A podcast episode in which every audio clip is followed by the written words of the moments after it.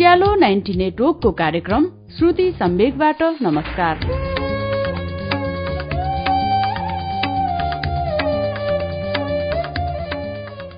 उज्यालो ninety नेटवर्कमा हरेक मंगलबार र शुक्रबार राति सभा नौ बजे कार्यक्रम श्रुति सम्वेक प्रसारण हुन्छ। देशभरिका अठारवटा एफएम रेडियो स्टेशनहरूबाट एकैसाथ प्रसारण भइरहेको कार्यक्रम श्रुति सम्वेकमा हामी वरिष्ठ साहित्यकारहरूका उत्कृष्ट गद्यहरू वाचन गर्दछौ। श्रुति सम्वेकको मंगलबारको श्रृंखलामा हामीले कृष्ण धारावासीको उपन्यास आधा बाटो सुनाइरहेका छौं। गएको साता बजेको श्रुति सम्वेक आधा बाटोको एघारौं अंक थियो। गएको अंकमा आताको प्रसंग सँगसँगै दुई हजार पैंतालिस सालको भुइँचालो लगायत कृष्ण धारावासीले रेडियो पत्रकारिता गर्नुभएको प्रसंगहरू आए।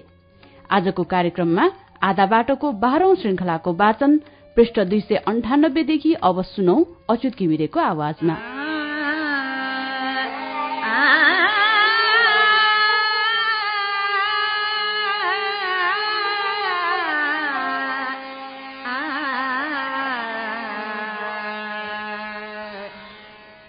घर आएर एक्काइस दिन जति चुपचाप बसेपछि साना किसान विकास आयोजना काक्रबिटामा सरुवा गरिएको पत्र प्राप्त भयो। तर पत्र खोलेर मिति हेरेपछि म छक्क परेँ। पत्रमा झण्डै पच्चिस दिन अघिको सरुवा मिति थियो। म उहाँ पुग्नु अघि नै सरुवा भइसकेको रहेछ। बेकारमा मेरो बिस दिन जति बिदा खेर गएको थियो।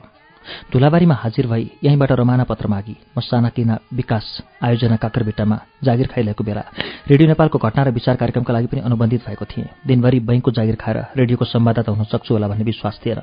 तर जब काम गर्न थालेँ मैले त्यस कामलाई साह्रै प्रेम गरेको हुँदा जिल्लाभरि सम्पर्क सूत्र कायम गरेँ। टेलिफोनका भरमा रिपोर्टहरू सङ्कलन गरी प्रत्येक दिन बेलुका चार बजे घटना र विचारका लागि आवाज रेकर्ड गराउन थालेँ र समाचारहरू फ्याक्स मार्फत पठाउन थालेँ। सोचेभन्दा सजिलो गरी मैले पत्रकारिता जीवन पुनः प्रारम्भ गरेँ।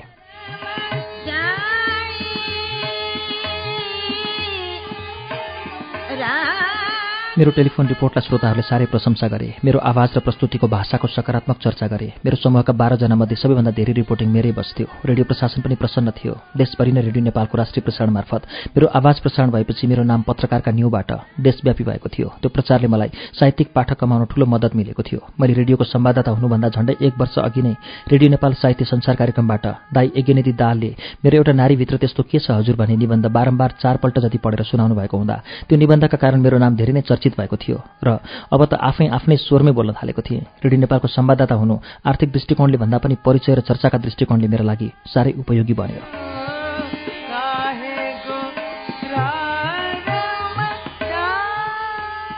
रेडियो नेपालको संवाददाता भएपछि अनेक प्रकारका नयाँ सम्पर्क र अनुभवहरू भए। मानिसलाई रेडियोमा नाम आउनु कति ठूलो कुरा हुँदो रहेछ भन्ने पनि बोध भयो। रेडियो संवाददाता भनेको पनि एउटा साधारण पत्रकार मात्र हो। कुनै राष्ट्रिय दैनिकको जिल्ला प्रतिनिधि जत्तिकै मात्र। फरक रेडियो पत्रकारको प्रत्यक्ष आवाज सुनिन्छ तर मानिसहरूलाई त्यो महान जस्तो लाग्थ्यो। कार्यक्रमहरूमा गयो आसन ग्रहण गराउने। प्रशासकहरू कहाँ गयो विशेष रूपले स्वागत गर्ने। व्यक्तिगत भेटघाटमा पनि अस्तिभन्दा व्यवहारमा फरक देखिने हुन्थ्यो।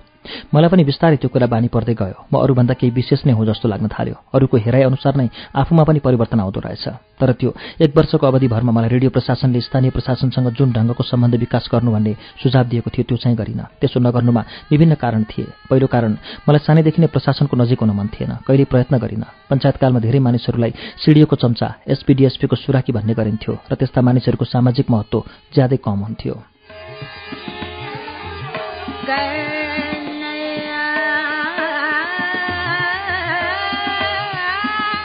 म एउटा स्वाभिमानी लेखक भइसकेको थिएँ र त्यही प्रशासनकै विरुद्धको मानसिकता पालिरहेको हुँदा सदा प्रशासकका अघि गएर आदेश मान्ने पत्रकार मलाई हुनु थिएन। हुन त हामीलाई भनिएको थियो आवश्यक सबै फ्याक्स सिडिओको कार्यालयबाट गर्नु हामी फोन गरिदिन्छौँ।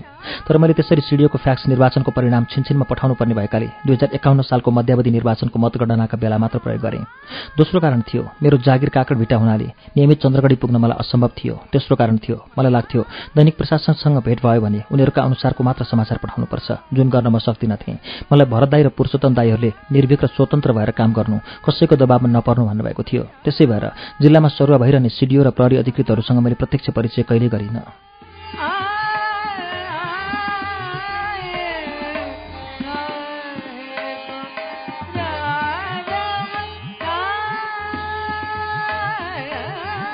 टेलिफोन मार्फत सम्पर्कमा रहँदा बारम्बार मलाई भेट्न आउन आग्रह हुन्थ्यो तर म त्यसरी गइरहन भ्याउँदिन थिएँ। अनुहारले उनीहरूले नचिन्ने हुँदा कहिलेकाहीँ छेउछाउ आम्ने सामने हुँदा पनि मलाई खासै समस्या पर्दैन थियो। टेलिफोनकै भरमा सारा जिल्लाका समाचारहरू प्राप्त गरेर रिपोर्टिङ गर्थेँ। कहिले मलाई गलत रिपोर्ट गरेको वा समयमा कुनै विशेष घटनाको रिपोर्टिङ गर्न नसकेको गुनासो रेडियोले गरेन। अनौठो र असम्भव जस्तो लागेको व्यक्ति म घटनाहरू सम्पर्कमा आउँथे। समाचारको स्रोत आफै खडा हुन्थ्यो।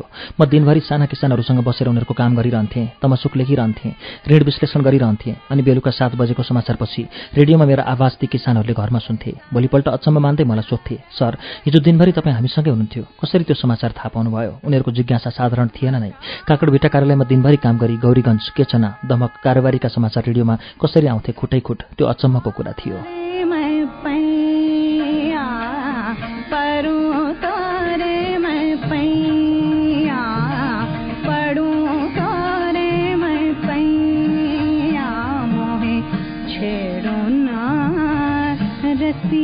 तारादाई गोर्खापत्रको सञ्चालक भएपछि दुई हजार उनाचालिस सालको मधुपर्कमा सर्वप्रथम मेरो कविता प्रकाशित भयो। दुई हजार बत्तीस सालमा सर्वप्रथम सूर्योदय साप्ताहिकमा कविता प्रकाशित भई मैले नेपाली साहित्य संसारमा पाइला राखेको थिएँ। झापाबाट काठमाडौँको मधुपर्कमा प्रवेश गर्न मलाई सत्र वर्ष पर्खिनु पर्यो। गरिमामा निबन्धहरू पठाइरहे चाहिँ मधुपर्कमा पनि कविता निबन्धहरू नियमित रूपमा पठाइरहन्थेँ। दुई हजार उन्चास सालसम्ममा मेरो नाम पूर्वाञ्चलको एक युवा लेखकमा स्थापित भइसकेको थियो। मानन्द पुरस्कार पाइसकेको थिएँ। बालक हराएको सूचना र विश्वेश्वर प्रसाद कोरेलाका उपन्यासहरू नामक कृतिहरू प्रकाशित भइसकेका थिए। भोग कविता आन्दोलनमा लागेर पूर्वाञ्चल थर्काइसकेका मध्येको पनि थियो मेरो नाम। तर मधुपर्कका आँखामा यो चढ्न सकेको थिएन। तुलनामा हिरा र अमृतजीका कविताहरू परिरहेका थिए। मलाई लाग्थ्यो मेरा कविता राम्रा रहेनछन्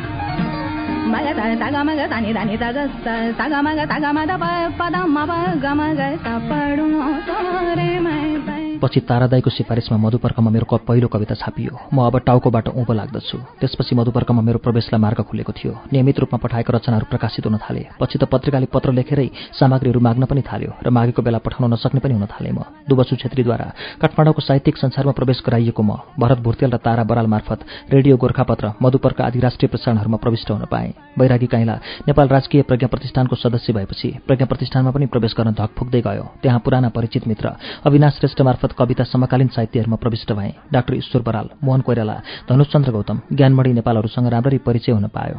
अशेष मल्ल त मलाई पहिलेदेखि मन पराउने युवा पुस्ताका हाम्रा नेता नै हुनुहुन्थ्यो। गणेशबहादुर प्रसाई पनि अनुसन्धानका सिलसिलामा प्रज्ञा प्रतिष्ठानमा पारिश्रमिक लिएर काम गरिरहनु भएको हुँदा उहाँका माध्यमबाट पनि अरू थुप्रै प्राज्ञाहरूसँग परिचित हुन पाएँ।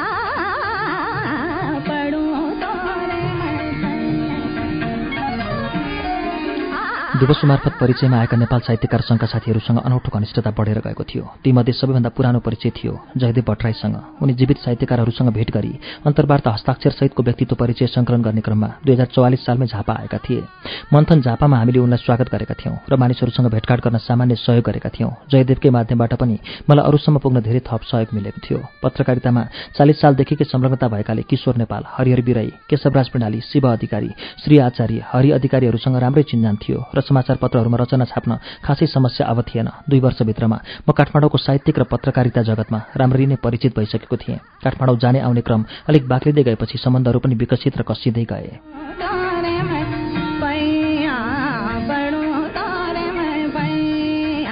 दुई हजार पचास सालमा मेरो पहिलो कविता सङ्ग्रह प्रकाशित भयो। उन्मुक्तिका आवाजहरू मेरा छरिएका कविताहरूको सङ्कलनको सबै जिम्मा लिनुभएको थियो कविराज पोखरेलले। पहाड र मधेसको जागिर सरुवाको समस्या परिरहेका बेला प्रेसमा गएको त्यो पुस्तक प्रकाशित भएर आउँदा साह्रै दयनीय अवस्थामा थियो। न्युज पेपरमा छापिएको त्यस पुस्तकको कागज हेर्दै विरक्त लाग्दो देखियो। कलाकार मित्र रमेश पौडेलले बडा मिहिनेत साथ बनाइदिएको आवरण हेरिन सक्नु भएको थियो। मेरा छानिएका राम्रा कविताहरू नराम्रो स्वरूपमा पुस्तकीकृत भए। त्यस पुस्तकलाई मैले त्यति व्यापक गरिनँ र मेरा धेरै पाठकहरूले त्यो पुस्तक देख्नु भएन पनि।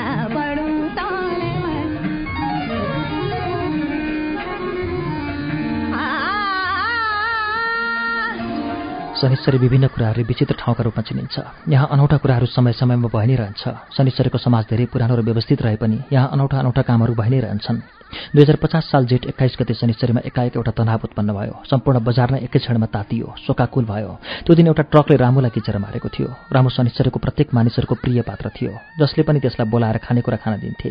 त्यो बिस्तारै खान्थ्यो र खाइसकेपछि ढलक ढलक गर्दै अर्कातिर लाग्थ्यो। सानो छँदा अलिक बदमास पनि बुढो हुँदै गएपछि उसमा इमान्दारिता पलाउन थालेको थियो। आफ्ना खुसीले कसैको पसलको खानेकुरामा मुख हाल्दैन थियो उसले।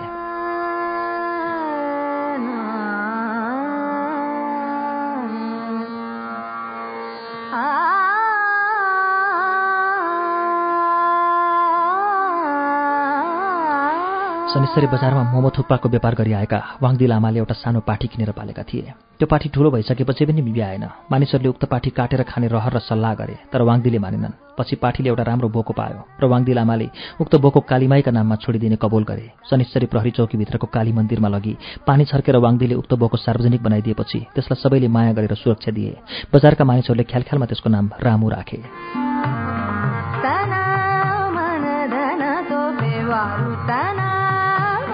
मानिसहरूको माया पाएर रामु दिन प्रतिदिन बढ्दै गयो। स्वतन्त्रताको उपभोग गर्दा गर्दै रामु जवान बोको भयो बलियो भएर एउटा बिउ बोकोका रूपमा रामुलाई समाजले स्वीकार गर्यो। बजारका विभिन्न थरीका मानिसहरूबाट रामुले अनेक किसिमका बानीहरू सिक्यो। कसैले रामुलाई खैनी खाने बानी लगाए कसैले आनन्दका लागि किनेर भए पनि रक्सी खुवाएर रक्सी खाने बानी लगाए। रामु मान्छे जस्तै मासु भात पनि खाने भयो। रामुका लागि विशेष प्रकारका लुगा र मालाहरूको व्यवस्था पनि गरिएको थियो।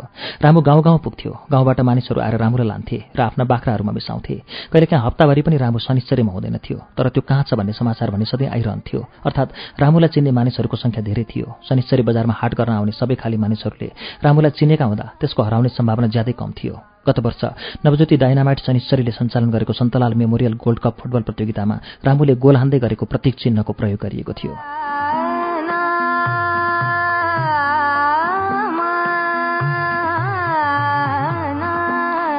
पाँच वर्षको उमेरमा रामुको शरीर अत्यन्त भारी र अप्ठ्यारो हुन थालेको थियो। ज्येष्ठ बिस गते राति एउटा ट्रकद्वारा खिचिएर रामुको असामयिक निधन भयो। रामुलाई खिचेर भागेको ट्रकलाई पिछा गरी बिर्तामोड प्रहरी थानाको सहयोगबाट समाति रु तीन हजार र एउटा बोको त्यसै गरी छोडिदिने शर्तमा ट्रक मुक्त भयो।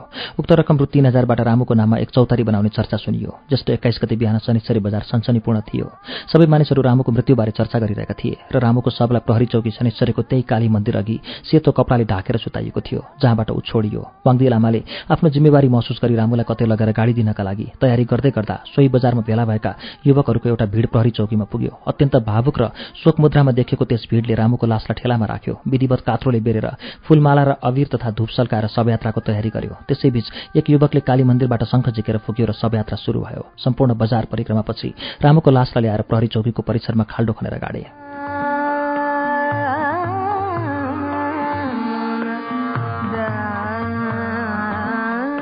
रामको लासलाई यसरी मानवीकरण गरिएको कुराले शनिश्चरी अर्जुनधारा क्षेत्रमा एक अर्को असन्तुष्टिलाई जन्म दियो। हिन्दू धर्मको उपहास गर्दै पशुलाई हिन्दू धर्मको विधि अनुसार दाह संस्कार गरिनुबाट समाजमा नकारात्मक चर्चा पनि बढ्दै गयो। यसबारेमा स्थानीय बुद्धिजीवी तथा पण्डितहरूबीच प्रशस्त चर्चा परिचर्चाहरू भए। शनिश्चरी बजार हेर्दा सानो र पुरानो देखिए पनि त्यहाँभित्र भेटिने विविधता पीडापूर्ण कठोर जीवन पद्धति बडा गल लाग्ने खालको थियो।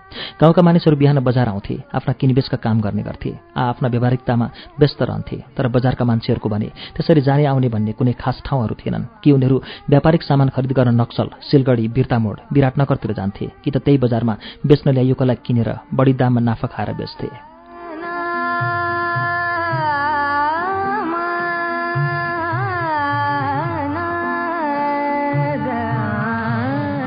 रामु बोको जस्तै आफ्नै विशेषताहरू बोकेका अरू थुप्रै मान्छेहरू पनि बजारमा देखिन्थे। कालीकी आमा भगी र उसकी आमा लम्फरे सिन्दुरे बुढा काँगा आदि यस्ता थुप्रै मानिसहरू बजारका स्थायी परिवार थिए। बजारले यिनीहरूलाई पाल्थ्यो।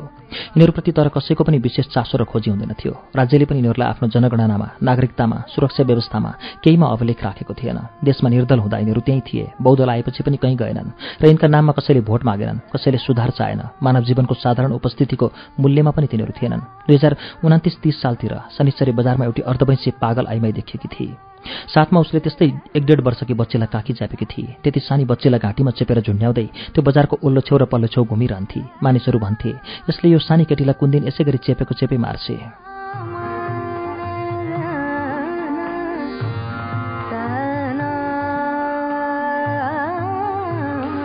तर त्यसले त्यो बच्चीलाई चेप्न पनि छोडिन मार्दा पनि मारिन अर्कालाई दिँदा पनि दिएन। कसै कसैले बरु त्यो बच्ची चाहिँ त्यसले दिए लगेर पालिदिने इच्छा पनि गर्थे तर त्यो सम्भव भएन। बजारका मानिसहरूले बिस्तारै त्यसलाई पनि आफ्नै परिवारभित्र राखे खानेकुराहरू दिने कहिलेकाहीँ लुगाफाटा दिने गर्थे। राति त्यही बजारकै पसल घरका पेटीहरूमा सुतिरहने त्यस पागललाई कसैको डर भर थिएन। पागलै भन्दा त्यो पुरै पागल पनि थिएन सध्य पनि थिएन। कसैलाई गाली नगर्ने ढुङ्गामुडा नगर्ने अश्लील नबोल्ने दिएको खाने एक्लै बरबराइरहने सानो कुनै सिनको जस्तोले भुइँमा टुक्रुक बसेर धर्को कोरिरहने जे जे भेटिन्छ एउटा बर्कीमा पोको पारेर गरिरहन्थे। सानी बिच्ची बच्ची वर्षै पछि हुर्कँदै गई। आमाका पछि पछि हिँड्ने मागेर खान सक्ने कति मिठो हाँस्ने दरी बल्ली हुँदै आइथ्यो। बजारले त्यो सानी बच्चीको नाम काली राखिदिएपछि उसकी पागल आमाको पनि एउटा नाम थियो कालीकी आमा।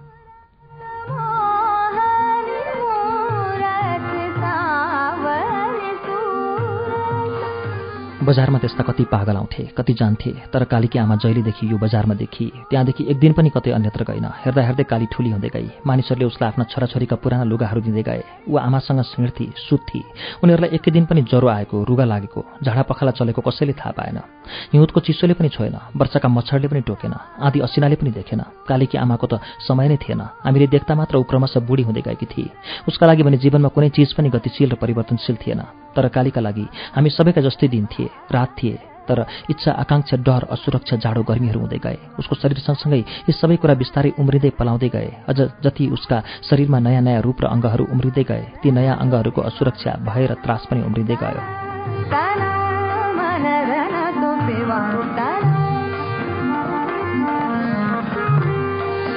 बढ्दै गएकी कालीलाई बजारका चिया पसलेहरूले सानातिना काम लगाउन थाले पानी बोक्ने भाँडा माझ्ने काम गराउन थाले। काम गर्न पाउँदा अरू मानिसहरू सर नै समाजमा घुलमिल हुन पाउँदा ऊ पनि रमाउन थाली। दुई चार पैसा पनि हुन थाल्यो। रहरका वस्तु किन्न पाउन थाली। काली राति आमासँग टाँसिएर जुनसुकै बरन्डामा अब सुत्न छाडी। ऊ जसकामा काम गर्थी तिनीहरूकै दोकानभित्र सुरक्षित भएर सुत्न थाली। आमालाई काम गरेको ठाउँबाट खानेकुरा पुर्याउने खुवाउने गर्थी। आमा पनि दिनमा एक दुईपल्ट आएर कालीलाई हेर्थी छेउमा बोलाउँथी। दिन राम्री रूपवती हुँदै गएकी शरीरले आकर्षक देखिन थालेकी कालीमाथि।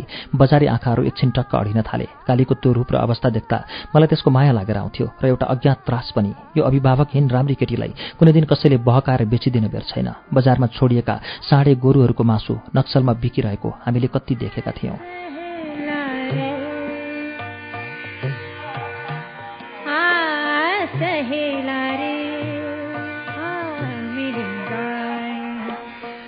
निकै ठुली भएपछि त्यसलाई मुरलीधर कटानीका घरमा आश्रय दिएछन्। खुसी लाग्यो। मारवाडीको घरमा कम्पाउन्डभित्र काम पाउँदा बाहिर फेरेको जस्तो असुरक्षा हुँदैन खाना लाउन दुःख हुँदैन। काली मुरलीधर गट्टानीका घरमा काम गर्न थालेपछि आमा चाहिँ पनि दिनभरि जता डुले पनि राति त्यही गट्टानीको पसल घरको बरन्डामा आएर सुत्न थाली।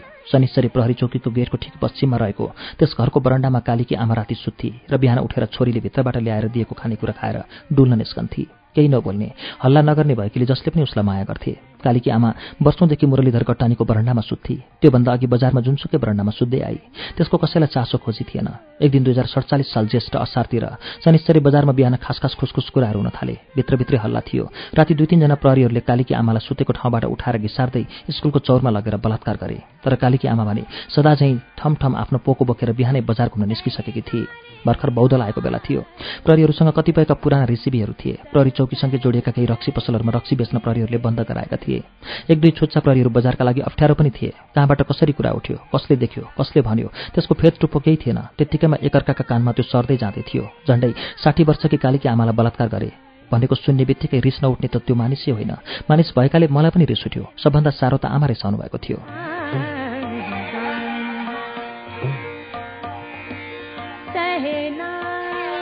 त्यो सधैँ आमाको दोकान अघि आएर चुर मागेर खान्थे। कहिले आमाले त्यसलाई पकौडी पापड किनेर खान दिनुहुन्थ्यो। कहिले काहीँ डुल्दै घरसम्म पनि आउँथे। उसको आफ्नै एउटा थाल थियो। त्यसैमा खानेकुरा थाप्थे र खान्थे। त्यस्तैलाई बलात्कार गर्ने प्रहरीको कल्पना गर्दै रिस उठेर आउँथ्यो।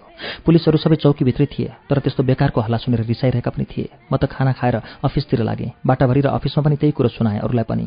म पत्रकार पनि भएकोले मेरो कुरा सबैले पत्याए पनि। देउसे अफिसमा सुने। शनिचरीमा ठूलो आन्दोलन भइरहेको छ। मानिसहरूले चौकीमा ढुङ्गामुढा गरिरहेका छन्। प्रहरीहरू हवाई फायर र लाठीचार्ज गरिरहेका छन्। चन्द्रगढीबाट पनि दुई ट्रक प्रहरी गइसके कोही भन्थे गोली लागेर दर्जनौ घायल भइसके कोही भन्थे प्रहरीहरू पनि मरिरहेछन् अर्थात् जसले समाचार सुनाउँथ्यो त्यसले आफ्नो केही थपेर सुनाउँथ्यो। बेलुका घर पुग्दा थाहा भयो।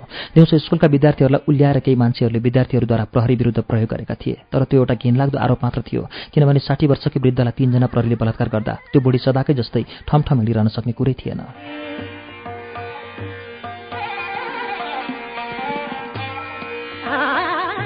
यत्रो वर्ष शनिश्चरीका फुटपाथमा जीवन बिताएकी त्यो घर माइती कसकी छोरी बुहारी हो? त्यसको विशेष सुरक्षा कसरी गर्न सकिन्छ भन्ने बारे जनप्रतिनिधिले न समाजसेवी चिन्तक भावुक कसैले सोच्यो तर आज प्रजातन्त्र प्राप्त भइसकेपछि एकैछिनमा नेता हुनका लागि एकाएक कसैले प्रहरीमाथि हमला गरेको थियो। वास्तविकता सार्वजनिक भइसकेपछि बजारमा उठेको उत्तेजना फेरि यसरी सेलाएकी त्यो फेरि कहिले तातेन।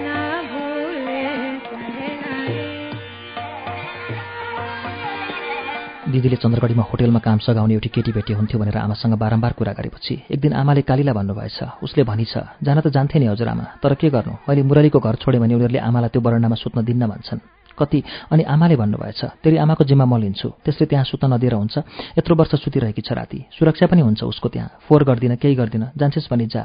तँलाई तल पनि दिन्छे। लुगाफाटा खान लाउन राम्रो हुन्छ। यहाँ बसेर के गर्छेस्? अब त ठुली भइसकिस्। तेरो बिहे पनि गर्नुपर्छ। यहाँ बसिस् भने तँलाई त्यही बाउलाइकी छोरी भन्छन्। कसले बिहे गर्छ? उदय दिदीले राम्रो केटो भनेर भेटेर दिए भने बिहे पनि गर्नु। अनि बरु पछि आएर आमालाई पनि उतै लानु। आमाको कुरा कालीले मानिछ एक दिन त्यो ठुल दिदीको दोकानमा भाँडा माझ्न थाली। दिदीले पनि त्यसलाई छोरीलाई जस्तै माया गर्न थाल्नुभयो। केही महिनामा त्यो राम्री र बल्ली पनि भई। सात महिना जति दिदीकामा बसेर आमाको मुख हेर्छु भनेर शनिश्चरी आएकी आमा चाहिँ त्यसलाई अठ्याएर कतै उम्कन दिइरहेछ। धेरै बेरसम्म आमाका छेउमा बसेर रोइरहेपछि फेरि मुरली गटानीकैमा काम गर्न थालिछ। केही वर्षपछि शनिश्चरीमै उसले एउटा राम्रो युवकसँग बिहे गरी छोराछोरी पाई घरचम गरी।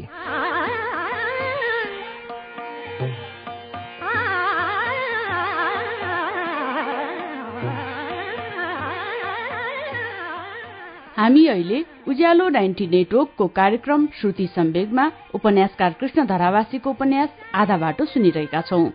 केही बेरपछि यसको बाँकी अंश लिएर आउँछौ। उज्यालो सुन्दै गर्नुहोला।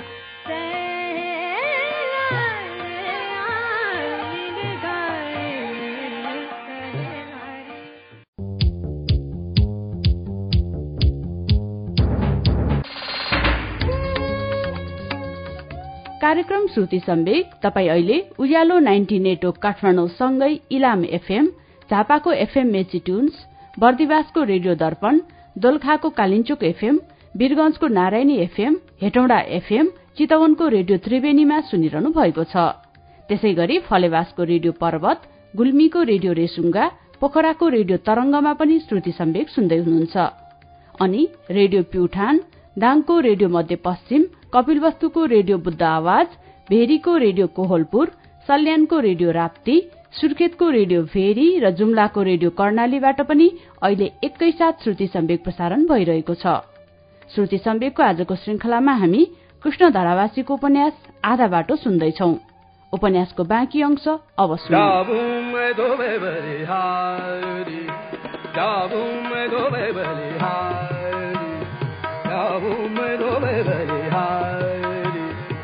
एक दिन अफिसबाट घर गएको म। आमाको अनुहार एकदम चिन्तित जस्तो देखेँ। अनौठो लाग्यो। उहाँ बोल्नु पनि भएन। मनमनमा सोचेँ ला आज केही कुरामा सासु बुहारीको ठाकठुक परेछ कि क्या हो? तर भित्र पसेँ सीताको अनुहारमा त्यस्तो कुनै सङ्केत थिएन। मन प्रसन्न भयो। सीतालाई बिस्तारै सोधेँ आज आमाको अनुहार बेग्लै देख्छु नि के भयो? मेरा कुरा सुनेर उनले भनिन् आज आमाको मात्र होइन। यो टोलका धेरै आइमाईको अनुहार यस्तै छ। किन के भयो? आज आमाको मुख हेर्ने दिन रहेछ। पर साझा अगाडि भुइँमा बसेर कालीकी आमा भुइँ कोरिरहेकी छ। घरबाट मासु भात र मिठा मिठा कुरा पकाएर आमाको मुख हेर्न आएकी रहेछ काली। एक फनको बजार घुमेर खोज्दै आउँदा त्यहाँ भेटिन्छ। आमाका छेउमा बसेर रुँदै आमालाई खानेकुरा खुवाइरहेकी रहेछ। त्यो देखेर धेरै आइमाईहरू भेला भए अनि हेर्दा हेर्दै सबै रुन थाले। आज कालीले यो गाउँ नै रुवाइदिए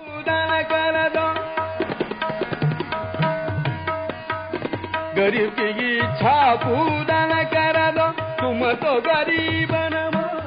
सुन्दा सुन्दै मेरो मन पनि अमिलो भएर आयो। त्यस्तै भावुक भएछु। कालीकी आमाको जीवनले मलाई थाहै नपाई ठूलो प्रभाव पारेको रहेछ। शरणार्थी उपन्यास लेखिसकेर प्रेसमा पठाउने बेला भएको थियो। त्यसको आवरण चित्र कस्तो राख्ने भन्ने निर्णय भएको थिएन। एक दिन बिहान कृष्ण बराल र म बजारतिर आउँदै गर्दा स्कुल अगाडि कालीकी आमालाई भुइँ कोर्दै गरेको देख्यौँ। झट्ट मेरो मनमा आयो किन यही बुढीको फोटो नराख्ने कभर पेजमा बरालजीलाई सुनाएँ सुन्न साथ उहाँले भन्नुभयो। ठिक भन्यो। यसको र जयमायाको उमेर पनि मिल्छ। जयमाया भनेर भनौला। यसैको फोटो राखौँ। अनि त्यहीँ अगाडि स्टुडियो खोलेर बसेका मित्र कुलप्रसाद ओलीलाई ती बुढियाको हिँड्दै गर्दाको अगाडि र पछाडिबाट भिन्दा भिन्दै दुई फोटो लिन लगायौँ। त्यही मध्येको पछाडि पछाडिपट्टिबाट खिचेको फोटोलाई जयमायाको प्रतिध्वनि स्वरूप प्रतिनिधि स्वरूप पुस्तकको कभर पेजमा राखियो।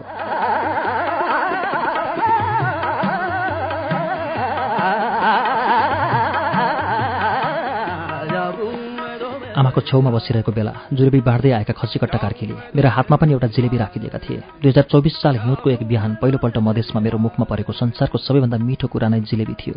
अझै खान्छस् भनेर बुबाले सोद्धा उहाँसँग पैसा छैन भने ठानी खान्न भने थिएँ तर अगाउन्जेल खान पाए हुन्थ्यो भन्ने पतिसम्मै रहिरहेको थियो।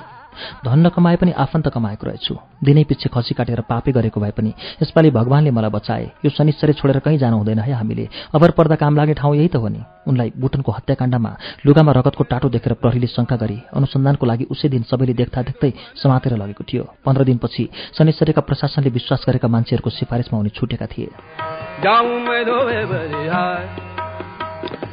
यिनै खसीकट्टा कार्की दुई पत्नी र तिनीहरूबाट जन्मेका छोराछोरीहरूको साथ दैनिक मासु बेचेर जीविका चलाइरहेका थिए। उनी आफू रक्सी दोकानलाई मासु दिएर त्यसैको दामले मस्त रक्सी पिउँथे। सदा मातेर घर आउने स्वास्नी छोराछोरी पिट्ने पनि गर्थे। बिस्तारै समय बित्दै गएपछि आर्थिक अवस्था कमजोर हुँदै र रोगले च्याप्दै गई। एक दिन बडा बिजोगसँग उनको निधन भयो। उनका दुईटी छोरीमध्ये जेठी छोरी भगी अलिक अल्वेस्टी र स्वस्थ मनस्थितिकी जस्तै थिए उनी मरिसकेपछि परिवारको आयस्रोत समाप्त भएकाले तिनीहरूको झन बिजोग भयो। सानी छोरी र छोरो अरूका भरमा काम गरी पेट पाल्न थाले तर भगी त त्यसरी काम गर्ने खालकी पनि थिएन। कहिले भएका लुगा पनि फुकालेर नाङ्गै हिँड्थे कहिले झगडा गर्दै कराउँदै हिँड्थे भोक लागेर मागेर खान्थे। आमा चाहिँलाई छोरीको अत्यन्त माया थियो त्यसको सुरक्षाका लागि र त्यसलाई बचाउनका लागि सधैँ आफैसँग लिएर हिँड्थिन्। आफू बजारमा कहिले अर्काको भारी बोकिदिने कहिले चामल केलाइदिने कहिले घर लिप्ने माटो डोको बुनिदिने गर्थिन्। त्यसरी भएको थोरै कमाइले पेट पाल्यो हुन्थ्यो आमा छोरीको। नेपाल मिलको पुरानो क्वार्टरमा बस्थे तिनीहरू। त्यही क्वार्टरमा मरेका थिए खसीकट्टा पनि।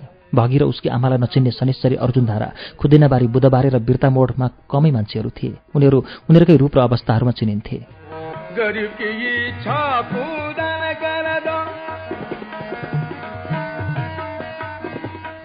एक दिन बेलुका छोरा विवेकले स्कुलबाट आएर भन्यो बुबा भगी त मरि अरे म जससँग भएँ त्यसै त्यसै नमिठो लाग्यो। समाजमा उसको उपस्थितिको कुनै महत्त्व थिएन तर मेरो जीवनमा यस्ता बेहिसाब मान्छेहरूको ठूलो तथ्याङ्क र महत्त्व थियो। निकै भावुक भएछु। सरोज सरले आफ्नो मुटु छुने कथा सङ्ग्रहमा भगी शीर्षकको एउटा कथा छाप्नु भएको थियो। उहाँलाई फोन गरेर भने उहाँले पनि सुन्नु भएको रहेनछ। दुःख मान्नुभयो। भगीको निधनमा को को दुःखी भए थाहा छैन। तर नेपाली साहित्यका दुईजना लेखकहरू हामी भावनाले दुःखी थियौँ। दुई हजार उनासाठी असार चौध गते शुक्रबारको विवेचना दैनिकमा एउटा लेख लेखेँ। शनिश्चरीको जनसङ्ख्या नगरपालिकाको जति पुगिसकेको थियो तर त्यो जनसङ्ख्या भगीलाई थाहा थिएन। उसलाई त ऊ र उसकी आमा र छोरो मात्र थाहा थियो। अब पो यहीँ बस्छ आमा। उसले चिहानमा पुरिएको छोरोलाई देखाउँदै आमासँग सोधी आमाले केही भनिन आँखाभरि आँसु बारेर। भगीको कपाल चुम्सुमदै भने हिँड अब फेरि तरमा मात्र भयौँ। उनीहरू शनिश्चरी बजारमा हिँडिरहेका छन्। पहिला जसरी नै दुई हजार पचास साल वैशाखमा प्रकाशित। सरोज ओलीको मुटु छुने कथा नामक कथा सङ्ग्रहभित्र पृष्ठ सङ्ख्या उन्नाइसदेखि एक्काइसमा भगी शीर्षकको एउटा कथा प्रकाशित छ। अनौठो र मार्मिक थियो त्यो कथा। यथार्थतामा आधारित त्यो कथाकी पात्र भगी जिउँदी थिए सबैका सामु थिए र त्यस कथामा लेखेका प्रत्येक शब्द सत्य थिए। त्यति बेला उनीहरू शनिश्चरी बजारमा हिँडिरहेका थिए तर अब छैनन् अर्थात् भगी अब शनिश्चरीमा हिँडिरहेकी छैन।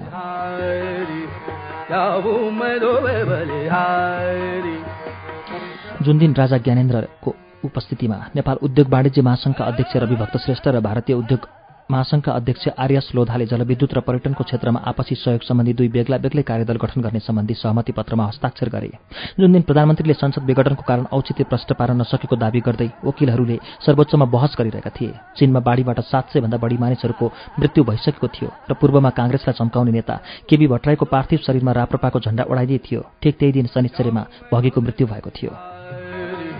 Kabu Manone high.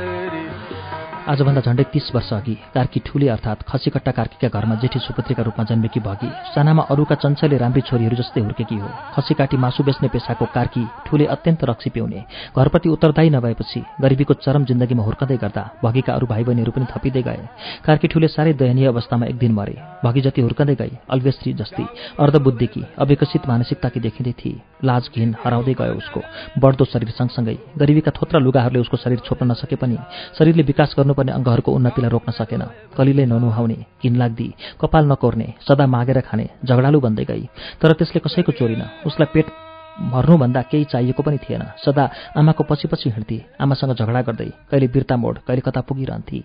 आमा केही ज्यालादारी काम गर्थिन् भगी मागेर खान्थे। दिनेहरूले कुहिएका फलफुल बासी खाने कुरा र दुर्गन्धित मासुहरू दिन्थे। माछाको आन्द्रा बुढी खसीको फ्याँक्ने भित्रियासहरू दिन्थे। त्यसैलाई उनीहरू कसरी खान्थे होला थाहा छैन। बन्द भइसकेको नेपाल मिरको क्वार्टरमा धेरै वर्ष बसे।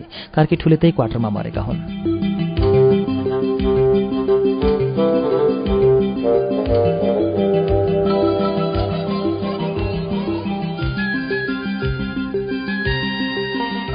दिन साँझमा अफिसबाट घर फर्किँदै गर्दा चार पाँचवटी आइमाईहरूले भगीलाई हकारेर खेदिरहेका थिए। के गरिस् यसले भनी छेउमा गएर सोधेँ। तिनीहरूले भने एउटा माथेको मान्छेले रक्सी दोकानबाट निस्केर भर्खरै त्यहाँ छादेछ र भगीले त्यो छादबाट मासुका टुक्राहरू टिपेर खान थालेकोदेखि तिनीहरूले खेदेका रहेछन्। सुन्दै शरीर जिरिङ्ग भएर आयो।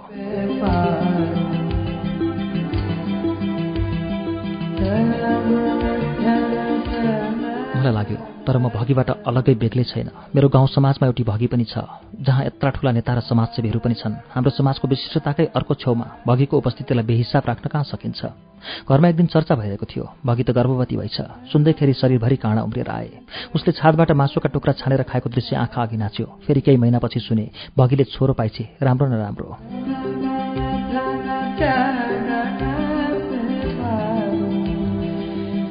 बिउले त चिसो र मलिलो पाए जहाँ पनि उम्रनै पर्छ।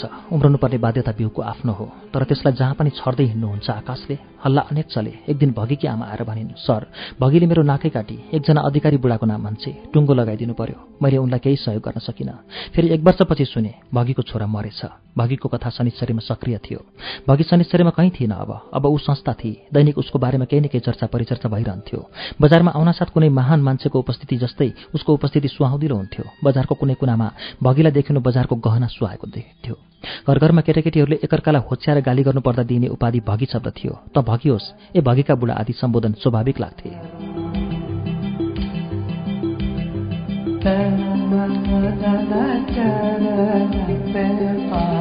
उमेर उकालो लागिरहेकै थियो तर त्यसले भगीलाई सजाउन सकेको थिएन। प्रत्येक दिन जस्तो हाम्रोमा आइरहन्थे बासी भात र चामल पाइरहन्थे। मलाई देख्न साथ जहिले पनि दाजु टिका लगाइदेऊ न भन्थे। दसैँमा टिका लगाएर दुई रुपियाँ दिने गरेकाले टिका लगाइ माग्थे निकै वर्षपछि फेरि अर्को हल्ला चल्यो। भगी दुई जीवकी भएकी छे सुतेकै ठाउँमा राति सपनामा आकाशबाट कुनै तेजिलो ज्योति आएर भगीको गर्भमा पसेको होइन भने त्यो कस्तो पुरुष होला जसले बारम्बार भगीलाई गर्भवती तुल्याउँछ?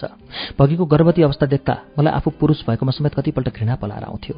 समाजमा नारीको अवस्थालाई व्यवस्थित गरिँदैन भने पुरुषको कर्तव्य आफ्नो चरित्रको संरक्षण गर्नुमा रहँदैन। रक्सी खाए पनि माते पनि जेबै पनि होस गुमाएको त्यसले कहाँ हुन्छ? अरे नर्कवासी पुरुष कति शास्ति दिन्छौ नारीको शरीरको मासुलाई?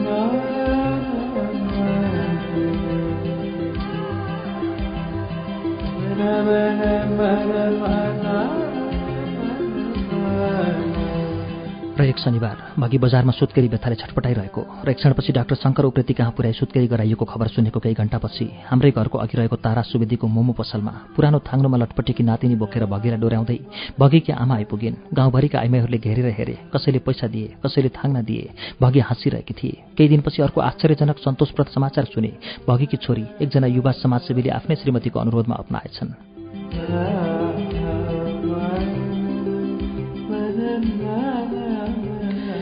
चार महिनादेखि थला परेकी भगीको दुई हजार उनासाठी साल असार एघार गते निधन भयो भगीको निधनको समाचार हुने विषय होइन प्रत्येक दिन सेना र विद्रोहीका आपसी झगडामा दर्जनौं मान्छे मरिरहेको समाचारले ग्रस्त लुटपाट हत्या आतंकले व्याप्त यस वृद्धको यस बुद्धको देशमा एउटा खाती सडक बेहिसाब जीवन बाँच्ने भगीको मृत्युको के समाचार हुन्छ त्यो भगीको समाजमा के योगदान थियो जसको न नागरिकता थियो न मतदाता सूचीमा नाम थियो न उसले कुनै पार्टीलाई कहिले भोट हालेकी थिए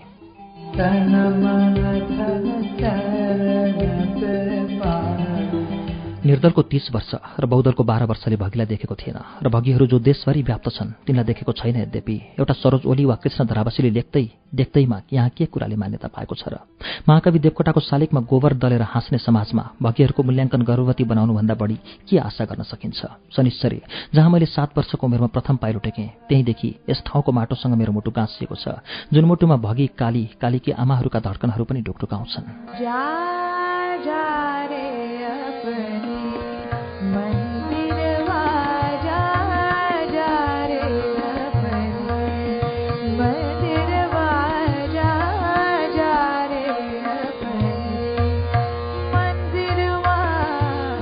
आमालाई पहिलेदेखि नै गानो दुख्ने समस्या थियो। महिना दुई महिनामा गानो दुख्थ्यो भनेर फत्राक फत्राक हुने केही धुलो दबाई खाने र झारफुक गर्ने चलन थियो। बुबा जीवित भइन्जेल त बुबा आफै बैदाङ र धामी भएकाले दबाई पनि र झारफुक पनि गरेर निको पार्नुहुन्थ्यो। उहाँ खसेपछि एकैचोटि दबाई झारफुक दुवै छुटेको थियो। तर आमा पेट दुखेर साह्रै भएपछि हामीलाई आपत्ति पर्थ्यो। बिरामी भएपछि कामनी पनि हुनाले आमालाई एउटा बुढी बजु मान्ने थान बनाइदिनु भएको थियो बुबाले। प्रत्येक शनिबार बिहान नुहाई धुवाई गरेर कलश फेरि पूजा गर्ने र पैसा चढाउने गर्नुहुन्थ्यो। त्यो थानमा भुराभरि कोही जान नहुने। उहाँलाई आफू बिरामी भएमा कसैले थानमा लाटलुट लुट गरिदिएछन् भन्ने शङ्का लाग्थ्यो। नभन्दै कहिलेकाहीँ बुढाले थानका पाँच दस पैसाहरू चोरेको बेला पनि परेको हुन्थ्यो। घरमा सबैलाई विश्वास थियो। आमाको थानमा तलमाथि भए मात्र बिमार लाग्छ भन्ने। तर मलाई भने त्यसमा रत्ति पनि विश्वास थिएन। आमा पछिको घरको दोस्रो ठुलो भनेकै मै भएकाले बिमार निको हुन्छ भने जे गर्न पनि म बाध्य थिएँ।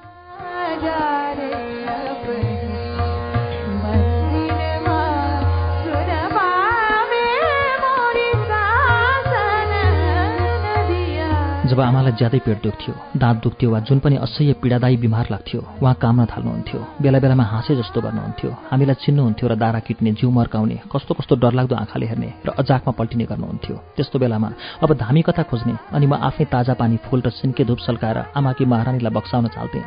उहाँ बेहोस जस्तो भएर निधाउनुहुन्थ्यो र बिस्तारै सन्चो हुँदै जान्थ्यो। निकै वर्ष यसै गरी आमाको बिमारको उपचार भइरह्यो। डाक्टरकोमा जाउँ भन्दा महारानी रिसाउने डर थियो आमालाई र अरूहरूलाई पनि। महारानी नै रिसाउने भएपछि मेरो केही उपाय थिएन। থাকে না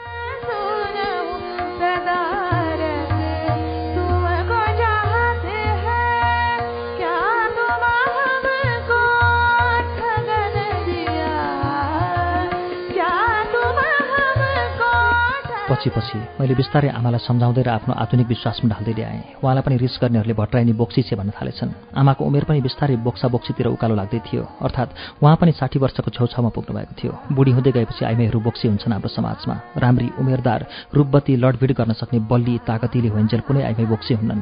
उमेरमा प्रत्येक युवती प्रेमिका र पत्नी भए हुन्छन्। तिनमा बोक्सीत्व पाउनै कठिन। जब अशक्त कमजोर र रोगी हुँदै जान्छन् त्यही समाजले उसलाई बोक्सी करार गर्न थाल्छ। आजको एक्काइसौँ शताब्दीको बहुदलीय नेपालको तराईका जिल्लाहरूमा वर्षमा दस पन्ध्रजना जति वृद्धहरूलाई बोक्सी बनाई गु खुवाउने परम्परा अझ प्रगतिशील ढङ्गले स्थापित भइरहेकै छ।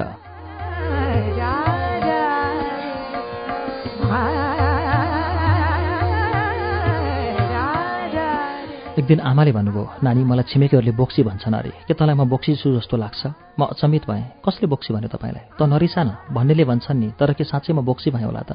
मलाई त त्यस्तो लाग्दैन भन्छन् अरे भट्राइनी बोक्सी छे। उसैले नाति नातिनालाई त्यस्ता दुब्ला पारे कि? मलाई आमाको त्यस्तो दयनीय र पीडापूर्ण कुरा सुनेर भित्र कहाँदेखि रिस उठेर आयो? तर रिसाउनु पर्ने पात्र स्पष्ट थिएन। एक दिन फेरि उहाँले भन्नुभयो मलाई उहिलेदेखि तेरो बुबाले यो थानमा पूजा गर्नु भनेर बनाइदिएको। कहिलेकाहीँ पेट दुखेर साह्रै हुँदा म कामसु पनि भन्छौ। गाउँका मान्छेले मलाई कामेको देखेर त्यसो भनेका होलान्। यो थानको पूजा नगर्दा के होला?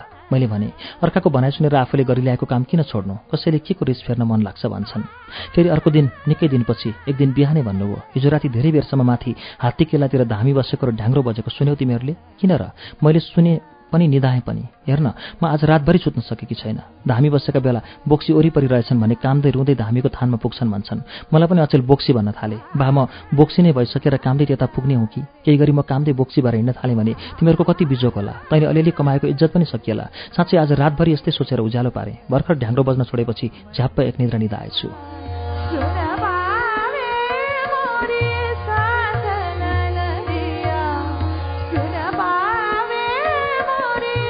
अब भने मलाई आमाको बारेमा चिन्ता लाग्न थाल्यो। उहाँलाई नराम्रो मनोवैज्ञानिक असर पार्न थालिसकेको थियो।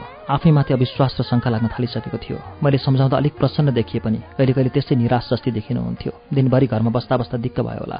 जिन्दगीभरि बजारमा मान्छेहरूका भिडमा समय बिताएको बानी। साथीभाइहरूसँग गफ गरी समय कटाउन सजिलो हुने। घरमा केही काम नहुने कसैसँग बोल्न नपाइने। अनि आमालाई व्यस्त राख्न घर अगाडि बाटोको छेउमा एउटा घुम्ती बनायौँ। त्यसै घुम्तीमा विभिन्न किराना सामानहरू राखेर आमालाई पसल खोलिदियौँ। आमा पसलमा व्यस्त हुन थाल्नुभयो। पैसा पनि चलाउन पाउन थाल्नुभयो। खरिद गर्न आउने। बाटो हिँड्ने मान्छेहरूसँग बोल्न पाउन थाल्नुभयो। आमामा ठूलो परिवर्तन आयो।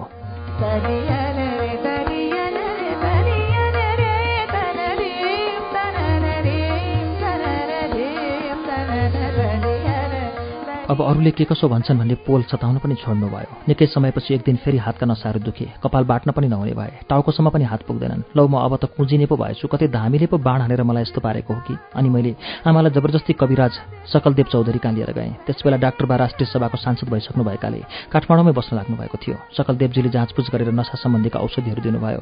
ती औषधि लगेर खान थालेपछि अब पेट पनि दुख्न थपियो। जति दबाई खायो उति पेट दुख्दा दुख्दै दुई दिनपछि त आमा फेरि काम्न थाल्नुभयो। म पनि अलमल्ल परेर यो क्या हो यस्तो? साँच्चै यो डाइनी बोक्सी महारानी सबै हुन्छ कि क्या हो जस्तो लाग्यो। अनि भोलिपल्ट बिहानै उठेर सकलदेवजी कहाँ गएँ? आमाको सबै कुरा सुनाएपछि उहाँले सोध्नुभयो आमालाई ग्यास्ट्रिक पनि छ? आमाको ग्यास्ट्रिक त क्रोनिक हो नि। उहिलेदेखि गानो गोला चल्छ भनेर हामीले कति थिचिदिनु पर्ने पेट दुखेर हुरुक्क हुने। अनि उहाँले ग्यास्ट्रिक हुनेलाई नसाको दबाईले झन् ग्यास बढाउँछ। ग्यास बढेपछि त भुँडी दुख्ने काम्ने भइहाल्छ नि। ज्यादा ग्यास भएर ग्यासले मुटुतिर प्रेसर दिएपछि बिरामी डराउने आत्तिने काम्ने बहकिने हुन्छ। भन्दै उहाँले ग्यास्ट्रिकका लागि नयाँ औषधि थपिदिनु भयो त्यो लगेर आमालाई खान दिएँ। दुई दिनपछि बिस्तारै ठिक हुँदै गयो। मैले आमालाई सकलदेवजीको कुरा भने हेर्नु यो महारानी धामी बोक्सी केही होइन। तपाईँलाई नसाको रोग लागेको छ। नसाको रोगको दबाई खाँदा ग्यास्ट्रिक हुन्छ अरे। अब यो ग्यास्ट्रिकको पनि दबाई खाएपछि ठिक हुन्छ।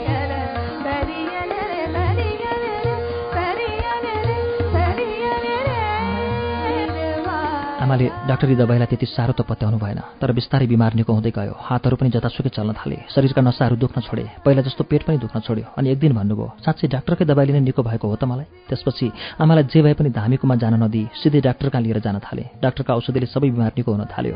आमालाई धामी झाँक्रीको विश्वास घट्दै गयो र डाक्टरको विश्वासले जित्दै ल्यायो। उहाँलाई जब आफ्नो रोग र औषधिको सम्बन्ध थाहा भयो अनि छिमेकीहरूसँग पनि हाँस्दै आफै भन्न थाल्नुभयो मलाई त तिमीहरू सबैले मिलेर झन्डै बोक्सी नै बनाएछौ नि। म पनि मनमा नै आफूलाई बोक्सी ठान्न थालिसकेकी थिएँ। थिएँ कार्यक्रम श्रुति सम्वेकमा भर्खरै वाचन भयो कृष्ण धरावासीको नयाँ उपन्यास आधा बाटो। आज बाह्रौं श्रृंखलामा पनि कृष्ण धरावासीको कृषि विकास बैंकको जागिरले यताउता सरुवा भइरहने प्रक्रिया पत्रकारिता र साहित्य क्षेत्रप्रतिको उहाँको लगाव र निरन्तरताकै प्रसंग उठे। रामु नाम गरेको बोकाको रमाइलो प्रसंग सँगसँगै भगीको प्रसंग पनि रोचक रह्यो। लेखकियामा बेला बेला बिरामी पर्नुभएको र ग्यास्ट्रिकको समस्या अनि त्यसमाथि देउता लाग्यो भन्ने अन्धविश्वासले जरा गाडेको संस्कारको प्रसंग पनि आज सुन्यौं। बाँकी प्रसंग अर्को श्रृंखलामा आउने नै छन्। हवस् त श्रुति सम्वेगमा आज वाचन भएको उपन्यास आधा बाटो बारे तपाईँको केही प्रतिक्रिया सल्लाह सुझाव वा विश्लेषण भए हामीलाई लेखेर पठाउनुहोला। हाम्रो ठेगाना हो कार्यक्रम Shruti Sambeg. Post box number छ चार छ नौ काठमाडौँ र इमेल ठेगाना SHRUTI at UNN dot com dot NP आउँदो साता आजको दिन आजकै समयमा कृष्ण धरावासीको आधा बाटोको तेह्रौं श्रृंखला लिएर आउनेछौ। त्यसअघि शुक्रबारको श्रुति सम्वेगमा हाम्रो भेट हुने नै छ। त्यसबेलासम्मका लागि प्राविधिक साथी दिनेश निरौला र विशालजित पालिकीसँगै अच्युत घिमिरे र म मण्टेश्वरी राज भण्डारी पनि विदा पाऊ। शुभरात्री।